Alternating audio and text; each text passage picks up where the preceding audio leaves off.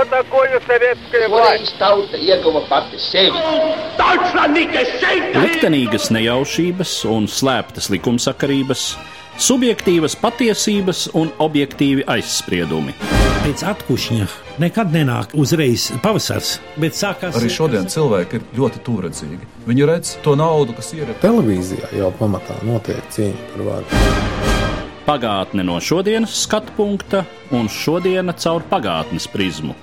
Raidījumā šīs dienas acīm. Katru svētdienu Latvijas radio eterā Eduards Liniņš. Labdien, cienījamie klausītāji! Notikumi, kuri 1917. gadā risinājās Krievijā un noveda pie varas bolševikus ar Vladimiru Ļeņinu priekšgalā, ietekmēja visu turpmāko 20. gadsimta vēstures gaitu. Pagājušā gada nogalē es apmeklēju Pēterburgu un uzklausīju vairāku mūsdienu Krievijas vēsturnieku viedokļus par 1917. gada Krievijas revolūciju un tās sekām. Šodien piedāvāju jūsu uzmanībai manu sarunu ar vēstures zinātņu doktori Jūliju Kantori. Mūsu sarunu sāku ar jautājumu, cik lielā mērā bolševiki varas sagrābšanas brīdī apzinājās, kādu valsti viņi grasās būvēt. Как бы не относиться к большевикам, а я, разумеется, отношусь к ним э, резко отрицательно, но не было бы большевиков, если бы не абсолютная беспомощность трех составов Временного правительства и чехарда с безволием и много власти в России летом, в начале осени 17 года. Это принципиальная вещь. Нерешительность с одной стороны. Lai kā mēs arī neatiektos pret bolševikiem, un es pret viņiem attiecos krasi negatīvi, bet bolševiku nebūtu, ja nebūtu trīs Krievijas pagaidu valdības sastāvu absolūtās bezpalīdzības, svaidīšanās un gribas trūkuma un daudzvaldības Krievijā 1917. gada vasarā un rudens sākumā. Valdības neizlēmība no vienas puses un no otras varas sadrumstalošana, veidojoties paralēlām struktūrām. Pagaidu valdība, Petrograds strādnieku un zaldātu padome, valsts dome kā priekšparlaments, kurš gatavo satversmes sapulces vēlēšanas, kuras pagaidu valdības laikā vairāk kārt tiek atliktas. Tas sagrāva armiju, Tas lielai daļai Krievijas iedzīvotāju, ne tikai galvaspilsētās, bet arī perifērijā, lika vilties demokrātisku pārveidojumu iespējamībā. Nevelti Kerinskim jau 1917. gada augustā bija iesauka virspierunātājs. Ir ļoti interesanti lasīt tā laika presi, dažādas ieviras izdevumus. Tur atklājas paņēmieni, ar kādiem uz auditoriju iedarbojās Kerenskis, un tie, ar kādiem iedarbojās uz auditoriju bolševiki, tā skaitā Helsingforsā, Kronštatē, Petrogradas garnizona kazarmās un Petropavlovskas cietoksnī. Visi minētie ir ļoti svarīgi stratēģiski punkti. Petropavlovskas cietoksnis vēlāk kļuva par bolševiku kara lauka štābu, un tam bija izšķiroša nozīme oktobra apvērsumā. Un ja par Kerenski, pat tā prese, kura viņam kā pagaidu valdības premjerministram tobrīd vēl simpatizē, saka, ka viņš iedarbojas pamatā uz sieviešu auditoriju kā harizmātisks operetes tenors, tad Trotski saka, Viņš atnāk un kaļ kā kalējs, Kronštates matrožiem, Petrogradas strādniekiem un tā tālāk. Principiāli cita pieeja iedarbībai uz auditoriju. Pie tam jau pēc gada vienā no partijas konferencēm Ļeņins pilnīgi atklāti pateiks, saimniekot mēs nemākam, šis gads to ir parādījis. Tātad bolševikiem nepārprotami bija mērķis sagrābsim varu, un tad jau redzēsim. Nav nekādu pierādījumu tam, ka viņiem būtu bijusi jebkāda skaidra un precīza programma, ja neskaita deklarācijas par ekspropriātoru ekspropriāciju. Tā tad laupi salaupīto. Им нужна была власть и монополия на власть. Не случайно уже с первых дней захвата власти, во-первых, формируется монопартийное правительство, беспрецедентная ситуация. В ЦИК еще многопартийный, а правительство, Совет народных комиссаров, уже однопартийное. И дальше происходит монополизация права на власть, которая потом выливается в разгоны учредительного собрания по совершенно. Viņiem bija vajadzīga vara, pie tam varas monopols. Ne jau nejauši kopš pirmajām dienām pēc varas sagrābšanas tiek izveidota vienpartijas valdība. Bezprecedenta situācija. Viskrievijas centrālā izpildu komiteja, kas ir padomi augstākā varas institūcija, Tobrīd vēl ir daudzpartiju orgāns, taču valdība, tautas komisāru padome jau ir stingri vienparteiska. Notiek tiesību uz varu monopolizācija, kas pēc tam izvēršas satversmes sapulces padzīšanā, kam ir pilnīgi acīm redzams iemesls. Bolševiks šokēja tas, ka satversmes sapulces vēlēšanās viņiem deva tikai 24% balsu. Viņi saprot, ka ar šādu parlamentu viņi galā netiks un to vienkārši padzen ar bruņotu varu. Šai situācijai viņi nebija gatavi un tieši tāpēc provocēja pilsoņu karu. Jau atkal, Leņņņins ir teicis tiešā tekstā, mums ir vajadzīgs pilsoņu karš. Izraisīt mēs to nevaram, bet mums tas ir jāsagatavo. Trotskis, protams, arī bija maigi izsakoties tāpat noskaņots. Par to padomu laikā, protams, maz runāja, jo bolševiki tika traktēti kā lieli miermīļi. Tātad bolševikiem bija radikāla politiskā programma. Tās īstenošana viņi sāka apkarojot jebkādu citādu domāšanu. Ja mēs salīdzināsim Krievijas pagaidu valdības rīkojumu apkopojumus ar pirmajiem padomju varas dekrētiem, tad redzēsim, ka pagaidu valdība ar vienu no saviem pirmajiem rīkojumiem nosaka preses brīvību, bet viens no pirmajiem bolševiku varas dekrētiem aizliedz kontrarevolucionāro presi. Lūk, darbības ietvers jau ir iezīmēts. Tālāk sākas cīņa pret tiem politiskajiem un sabiedriskajiem spēkiem, kur vēl vakar, burtiski vakar, pirms 1917. gada 24. oktobra bijuši bolševiku sabiedrotie cīņā pret Krievijas pagaidu valdību. Cik lielā mērā tālāko padomju Krievijas un vēlāk padomju Savienības attīstību noteica tas, ka pati ideja jau sākotnēji bija lemta neveiksmei, vai pati šīs valsts koncepcija principā bija realizējama? Нет, она была реализуема именно в том террористическом виде, в каком она сложилась. Вот именно в террористическом виде, потому что это государство, сформированное людьми, носителями тоталитарной идеологии априори, вот тоталитарной идеологии, даже не авторитарной. Это видно и по вербальным характеристикам вождей Ленина, Троцкого, Свердлова, там кого, кого угодно, Лацеса. Это был... Tā bija realizējama tieši tajā terora formā, kādā tā izveidojās. Šo valsti veidoja cilvēki, kuri pauda totalitāru ideoloģiju. To apliecina viņu vadoņu Ļeņina, Trotska, Sverdlova, arī Mārtiņa Lāča verbālās izpausmes. Šī projekta pamatā bija valsts apvērsums un cīņa pret visiem, kuri domā, nevis dara, pat tikai domā, citādi nekā viņi. Šai varai nebija citu politisko pamatu un citu ekonomisko sviru kā vien terors. Attiecīga sistēma, kuru balstās politikā un ekonomikā, kurai ir tikai viens šāds dzinējs, neko citu radīt nevar. Leņņņins vai Trotskis, Trotskis vai Dzeržinskis, tas vairs nav svarīgi. Šiem ļaudīm nebija pat kādas izvērstas ideoloģijas. Bija mašīna, kas piespieda milzīgu teritoriju sev pakļauties. Nekādu maigo sociālismu šie ļaudis nevarēja uzcelt. Viņi tūdaļ iegrūda valsti drausmīgā pilsoņkarā, lai gan atkal jāsaka, Lai kā mēs attiecamies pret bolševikiem, mums jānovērtē tas fakts, ka 1918. gadā Krievijā bija 15 dažādas baltās valdības. 15, un pat divas no tām nespēja vienoties savā starpā. Deņīkins nevarēja vienoties ar Atamanu Semjonovu, Semjonovs nevarēja vienoties ar Kolčaku un tā tālāk un tā joprojām, bet bolševiki rīkojās kā vienota varene dūre, tiešā un pārnestā nozīmē, un tas bija viņu spēks. Только что была буквально в Татарии, там открылся совершенно замечательный музей, это редкость такая, в 16 году, вот год назад, открылся музей истории гражданской войны.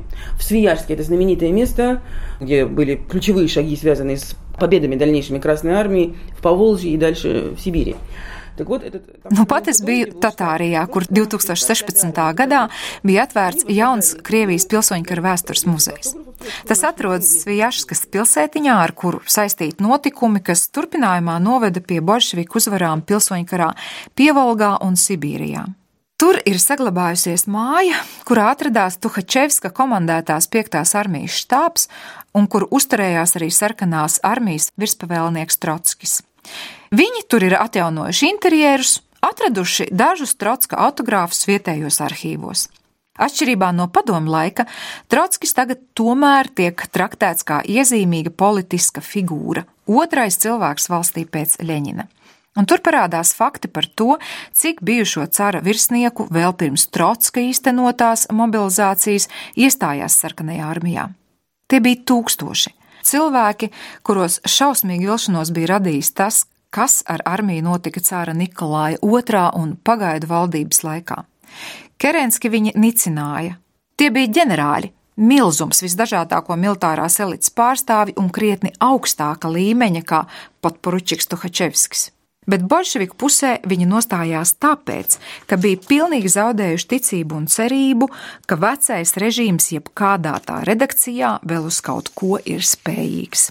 Kā ir ar tiem viedokļiem, kas pastāvēja vēl Gorbačova pārbūves laikā, ka Ļeņina idejas bija pareizas, bet tikai Staļins tās izkropļoja? Я абсолютно уверен, я могу это доказать документально, вербально и, и фактически по делам, по периодам, Сталин – безусловный продолжатель дела Ленина. Другой вопрос, он был дольше у власти, и, соответственно, знаете, всегда так в такого рода ну, государственных структурах, э, тоталитаризм, вообще любые другие проявления, они всегда в геометрической прогрессии, да, ну, с каждым... Es esmu pārliecināta un varu pierādīt dokumentāli, verbāli un faktiski izvērtējot darbību pa periodiem, ka Staļins neapstrīdami ir Ļeņina lietas turpinātājs. Cita lieta, ka viņš pie varas bija ilgāk, un attiecīgi, kā jau tas ir tāda veida valsts struktūrās, totalitārisms un jebkuras citas izpausmes attīstās ģeometriskā progresijā ar katru attīstības loku arvien asākas. Vēl gan Staļins, gan Leņņņins bija absolūti imperialisti atbilstoši viņu pašu izpratnē par šo jēdzienu. Viņi gribēja atjaunot impēriju politiskā nozīmē, jo Padomju Savienība neapstrīdami bija impērija, un arī atdabūt tai tās teritorijas, kuras paši bija atdevuši - Somiju, Baltiju, Poliju. Karš Polijas atgūšanai sākās vēl Leņķina laikā. Karš Somijā un Baltijas notikumi nāca vēlāk, jo tobrīd pietrūka laika, bet bija taču pilnīgi skaidrs, ka tas, ko padomju vēstures mācību grāmatās sauca par padomju varas triumfa gājienu, bija acīm redzama teritorijas sagrābšana pilsoņkara rezultātā atgriešanās pie robežām, kuras pastāvēja līdz 1917. gadam. Taču laikam jau Staļina laikā šis terors sasniedza maksimāli iespējamo pakāpi, kad tas kļuva pašiznīcinošs. Pēc tam Hruščovs un lielā mērā arī Brežņevs mēģināja veidot tādu samtaināku totalitārismu variantu. Это оттенки, как это, 60 оттенков красного. Ну да. Э, Но ну, вы знаете, на самом деле, я вот в чем с вами несколько не согласна, ну, середина и конец 30-х, это, конечно, пик самопожирания системы, но это не начало. Nu, tās ir sarkanās 60 nokrāsas. Es ar jums nedaudz neesmu vienisprātis tai ziņā, ka 30. gadu vidus un nogale ir sistēmas pašiznīcināšanās apogejs, bet nebūtu ne tās sākums. Tā pati sevi plosīja jau sākot no 1917. gada. Tā veidojās cīnoties pilsoņu karā pret saviem sabiedrotajiem, ideoloģiski tuvām partijām. Iztumjot tās vispirms no politiskās dzīves, bet pēc tam jau no dzīves vispār valsts režīms, kurš iztumjot labākos prātus ar tālredzīgu humanismu, kā to formulē Trotskis savā rakstā, diktatūra, kur ir tava rīkste, tāds režīms ir kā ļaundabīgs audzējs, tas nepārprotami ir pašiznīcinošs. Tālāk tas viss tikai izvēršas. Vienu brīdi ieslēdza nepu jeb jauno saimniecisko politiku, jo citādi būtu pilnīgs strupceļš, un pēc tam to izslēdz, jo tieši neps pierāda burtiski pusgada laikā visu bolševiku ekonomiskās doktrīnas neadekvātumu. Tātad nepu likvidē, Un tālāk, sākot ar 20. gadu beigām un turpinoties 30. gados, tā jau ir cīņa partijas iekšēnē, cīņa pret kaitīgajām novirzēm no pareizā kursa. Un tad nāk 1937. gads. Svarīgs gads arī tādēļ, ka tā ir padomju varas 20. gada diena. Un padomju politiskā spice to definē kā naidīgo draņķu izravēšanas gadu. Viņiem vajadzēja labi atskaitīties Lielā oktobra 20 gadē, tā ka 1917. un 1937. tā nav nejauša sakritība. Tā ka sistēma iznīcināja pati sevi. Tā faktiski izskāva pati savu armiju, te es domāju pirmām kārtām lietu par militāru fašistisko sazvērstību strādnieku un zemnieku sarkanajā armijā. Un runa nav pat par statistiski fantastisko upuru skaitu. Tā lieta jau nebeidzas ne 37., ne 38. vai 39. gadā. Tās astes vilkās vēl nākamajos gados. Pie tam 1939. gadā Padomju Savienība paraksta paktu ar nacistisko Vāciju, bet cilvēku turpina sēdināt cietumā par piedalīšanos militāru fašistiskajā sazvērstībā. Tā ir tāda iekšēja paranoja, un Staļina dzīves laikā režīms pats sevi iznīcināja pastāvīgi. Bija, protams, pilnīgi satriecošā un glābjošā uzvara 1945. gadā. Tobrīd milzīgs skaits brīvprātīgo devās uz fronti, un es pati esmu caurskatījusi daudzus personiski rakstura dokumentus, kuri liecina, cilvēki gāja cīnīties ne jau par padomju valsti, bet par savu tēviju. Tieši šajā laikā notiek atgriešanās pie Krievijas patriotisma pamatiem, to sākotnējā veidolā, tā skaitā verbālajās izpausmēs. Parādās tāda apzīmējuma un paralēlas kā Krievu armijas uzvara, uzvara pār vācu suņiem bruņniekiem, uzvara pār Napoleonu. Tas viss sākās jau 1941. gada jūnijā, tūlīt pēc kara sākuma. Pie tam šo ideju Staļinam pasvieda padomju muzeju darbinieki. Pirmās izstādes, kas bija veltīts Krievu ieroču uzvarām pār svežzemju iebrucējiem, tika atklātas Ļeņingradā 1941. gada 24. jūnijā, Tur bija Napoleons, bija 17. gadsimta sākuma juku laiki ar Miņinu un Pažārski. Staļins to gudri pārtver pēc tam, kad viņam ir pārgājis divu nedēļu šoka periods, kurā viņš atrodas, kamēr valsts karo. Un pats Staļins tolaik pasaka vienu ļoti pareizu frāzi: Mums nav nekādu ilūziju, ka šie ļaudis karo par mums. Viņi karo par māmuļu Krieviju. Шелковые варианты постсталинского времени связаны с двумя обстоятельствами. Во-первых, совершенно было понятно Хрущеву, за что ему, кстати, спасибо, что дальше уже не удержишься так. Уже начинаются осколки, полное разложение, и Конечно, история с 20-м съездом – это во многом стремление набрать populārность sреди. Poststaļinisma perioda samtainie varianti ir saistīti ar diviem apstākļiem. Pirmkārt, Hruščovam bija pilnīgi skaidrs, ka tālāk tā vairs noturēties nesanāks. Jau sākas lauskas, pilnīgs sairums. Viss partijas 20. kongresa stāsts tie ir centieni iegūt popularitāti visdažādāko ļaužu vidū. Tāpēc ir šis brīvības malks 60. gadu kustība. Par šo tēmu ir tāda anekdote, kuru man šķiet gandrīz no dzīves. Kādā no partijas instancēm, teiksim, Ļeņingradā, notiek Hruščova 20. kongresa referāta apspriešana. Kā zināms, sākotnēji tas bija paredzēts izplatīšanai un apspriešanai tikai partijas instancēs. Attiecīgais referents uzstājas, un te no zāles atskan uzsauciens: Nu, ko jūs mums te stāstāt? Kur jūs pats tajā laikā bijāt? Un te, nu, referents, tas varētu būt pilsētas partijas komitejas pirmais sekretārs, skatās zālē un jautā: Kurš to teica? Klusums. Kurš to teica? Piecelieties, lūdzu. Klusums. Un tad, nu, referents saka: Lūk, tur mēs visi arī bijām. Pie tam man ir viena pilnīgi noteikta piebilde. Es neuzskatu, ka pie visa, kas notika pēc 1917. gada, vainojama ir tikai nosacīti sakot Maskava. Šajā totalitārajā stāstā totalitārās valsts stiprināšanā piedalījās, diemžēl, visas elites, tā skaitā Baltijas elites. Viss ir skaidrs, kas notika 1940. gadā, ka nebija nekādas brīvprātīgās iestāšanās, ka viss tika falsificēts. Tas viss ir skaidrs. Bet tālāk, tais pašos samtainajos laikos, kā visiem gribējās tikt uz Maskavu, kā izkalpojās režīmam, kā audzināja paši savas padomju elites. Tas pats, protams, ir sakāms par Grūziju, Ukrainu, vēl jau vairāk Baltkrieviju. Šajā stāstā piedalījās visi, un visi ir ar šīm asinīm sasaistīti. Tāpat arī padomju režīma nostiprināšanā 1917. un 1918. gadā piedalījās visas bijušās impērijas tautas. Arī tas ir ļoti svarīgi. Tagad ir tā, vainīgā ir Krievija kā tiesība pārmantotāja, visiem pārējiem ar to nav nekāda sakara. Bet 1937. gadā, kad notika masveida apšaušanas, tur bija pat tāda kā sociālistiskā sacensība par reģioniem, kuram būs vairāk represēto pirmajā kategorijā, tas ir nošauto otrajā kategorijā un tā tālāk. Vai zināt, cik toreizējo padomu republiku vadītāju sūtīja uz centru vēstules lūdzu palielināt normu pirmajai kategorijai? Vai kaut kas no tā, ko mēs varam dēvēt par bolševisma vērtībām, joprojām ietekmē Krievijas sabiedrības domāšanu? Насчет идей. Я не представляю себе, даже среди тех, кто носит эти новые теперь партийные билеты, коммунистические я имею в виду, я не представляю себе людей, которые верят вот в ту самую идею. Vispirms par ideju. Es nevaru iedomāties, ka pat starp tiem, kuri šodien staigā ar pašreizējās kompartijas biedra karti kabatā, ir tādi, kas ticētu šai idejai.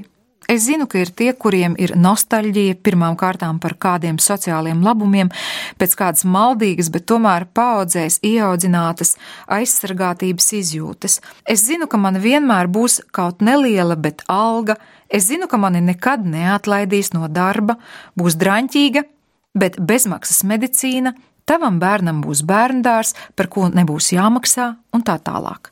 Tā ir viena puse. Otra saistās ar to, ko bolševiki tiešām veiksmīgi darīja 70 savas varas gadus - ar propagandu. Sevišķi tāpēc, ka šai propagandai īsti nebija konkurences. Tas ir priekšstats, mēs bijām stipri, visi mūs cienīja. Pēc padomu laikiem nostalģējošo apziņā vārds cienīja un vārds baidījās ir sinonīmi. Katram normālam cilvēkam tas tā nav.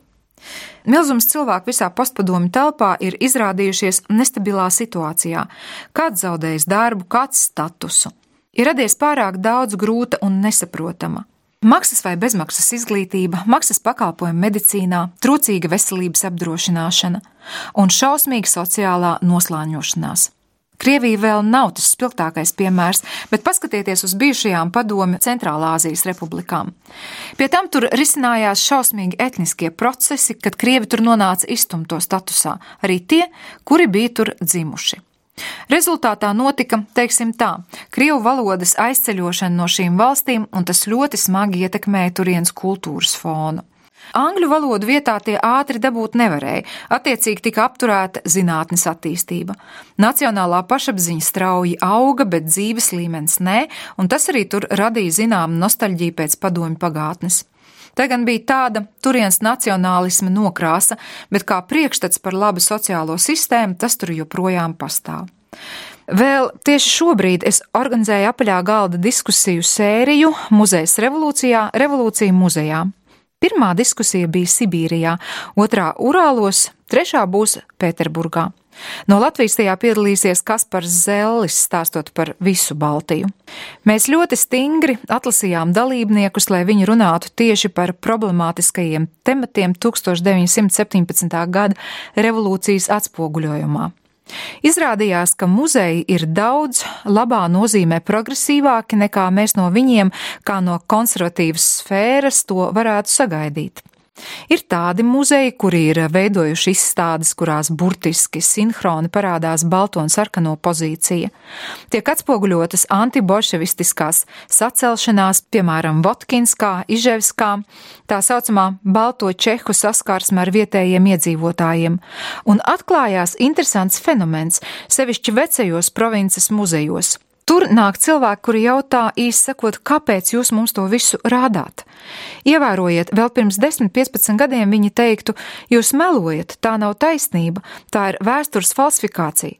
Šodien šī nolieguma vairs nav, taču ļaudis to negrib zināt, jo tā ir nekomfortabla patiesība. Arī tās jau ir pārmaiņas. Vairs nesaka, ka sarkanie bija labie un baltie sliktie, vai otrādi, kas vienu brīdi arī bija ļoti modē, kad baltie bija tīrie eņģeļi. Un muzeja pret to ļoti gudri cīnās. Pēterburgas konferencē man būs referāts Revolūcija bez Leņina. Nevienā Krievijas muzejā nav nevienas izstādes par Ļeņina personību. Par revolūciju tiek stāstīts ļoti dažādi, ļoti interesanti, un Ļeņins, protams, ir klātesošs kā tautas komisāra padomas priekšsādātājs, bet nav nekādas viņa likšanas priekšplānā, nekādas dominantes. Es neesmu droša, ka tas ir labi, jo Ļeņins kļūst par noklusējuma figūru. Viņš visiem ir tā apnicis, ka it kā vairs nav nevienam interesants, bet vēlns slēpjas detaļās. Vai jūsuprāt, Krievijā ir iespējama kāda desovietizācija, debolševizācija, vai tāda ir vajadzīga?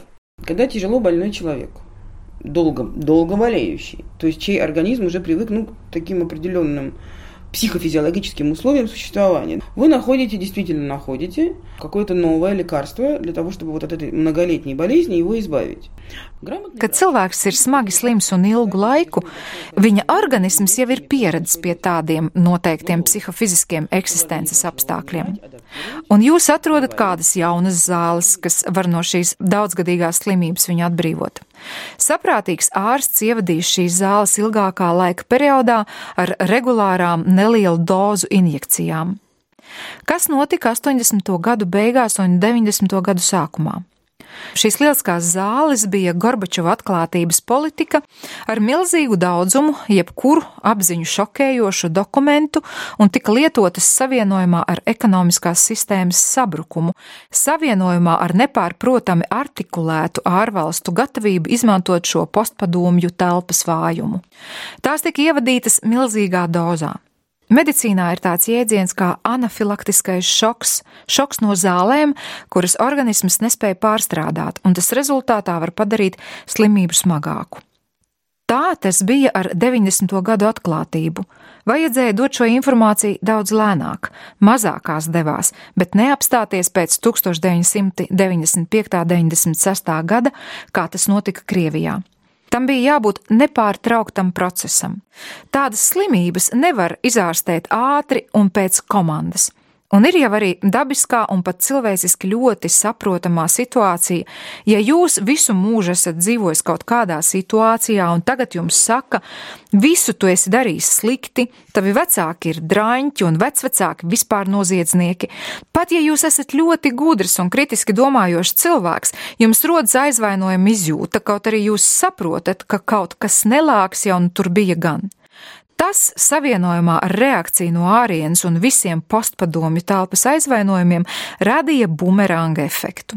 Сегодня, когда 17-й год, когда уже 27 лет прошло, 26, с момента, собственно, уже распада Союза, я думаю, что это будет естественный процесс. Он не будет долгим, более того, он не будет ярким, он не будет эффектным.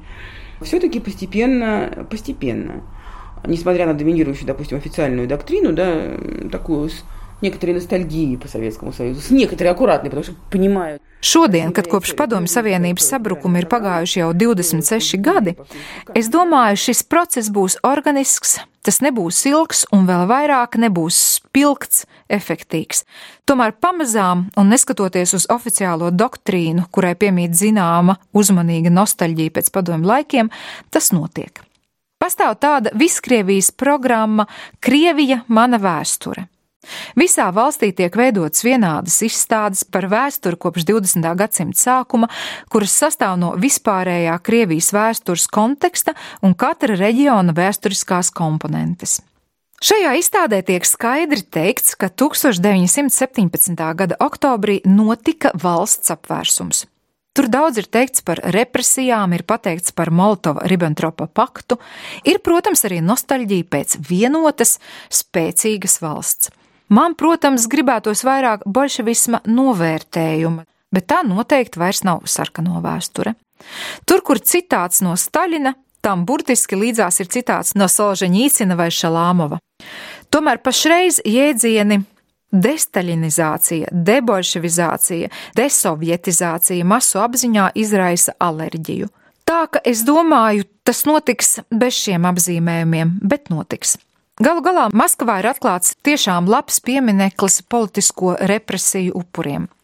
Darbojas Gulaga muzejs. Atkal, es gribētu vairāk, bet direktoram ir tāda koncepcija, viņš ļoti daudz runā par upuriem un maz par sistēmas noziedzīgumu.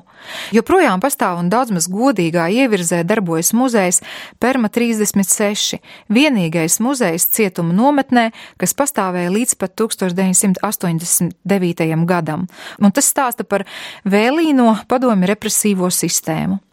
Ir piemiņas vieta Ļevašovas klosterī pie Pēterburgas, Staļina represiju masu slepkavību vietā. Darbojas memoriāli Katiņā un Mednoje. Katiņu jūs, protams, zināt, bet Mednoje ir tāda pati nošaušanas vieta Tveres apgabalā, kur arī ir Krievijas polijas kopīgs memoriāls kompleks. Kā vienā tā otrā vietā ir aprakti kā mūsējie, tā poļi. Sākot ar kulakiem, kuri mednoja tika šauti no 1928. bet Katiņā no 1934. gada.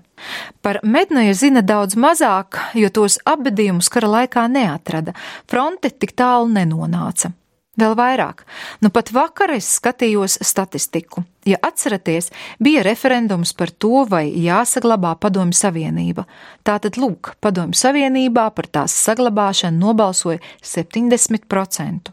Šodien Krievijā tikai 54% ir par Padomju Savienības atjaunošanu, bet 46% pret. Tātad jau gandrīz puse uz pusi. Es uzskatu, ka tas ir ļoti labi. Tas nozīmē, ka imanenti, bet situācija tomēр izlīdzinās. Среди россиян, ну, сейчас, естественно, опрос проводился среди россиян, только 54% за и, соответственно, 46 против. То есть это примерно поровну. Я считаю, что это очень хорошо. Это значит, что имманентно, но все-таки ситуация выравнивается. Šī bija saruna ar Krievijas vēsturnieci, vēstures zinātņu doktori Jūliju Kantori, kurā pievērsāmies bolševisma ietekmei Krievijas 20. gadsimta vēsturē. Uzredzēšanos cienījamie klausītāji! Katru svētdienu Latvijas radio viens par pagātni sarunājas Eduards Liniņš.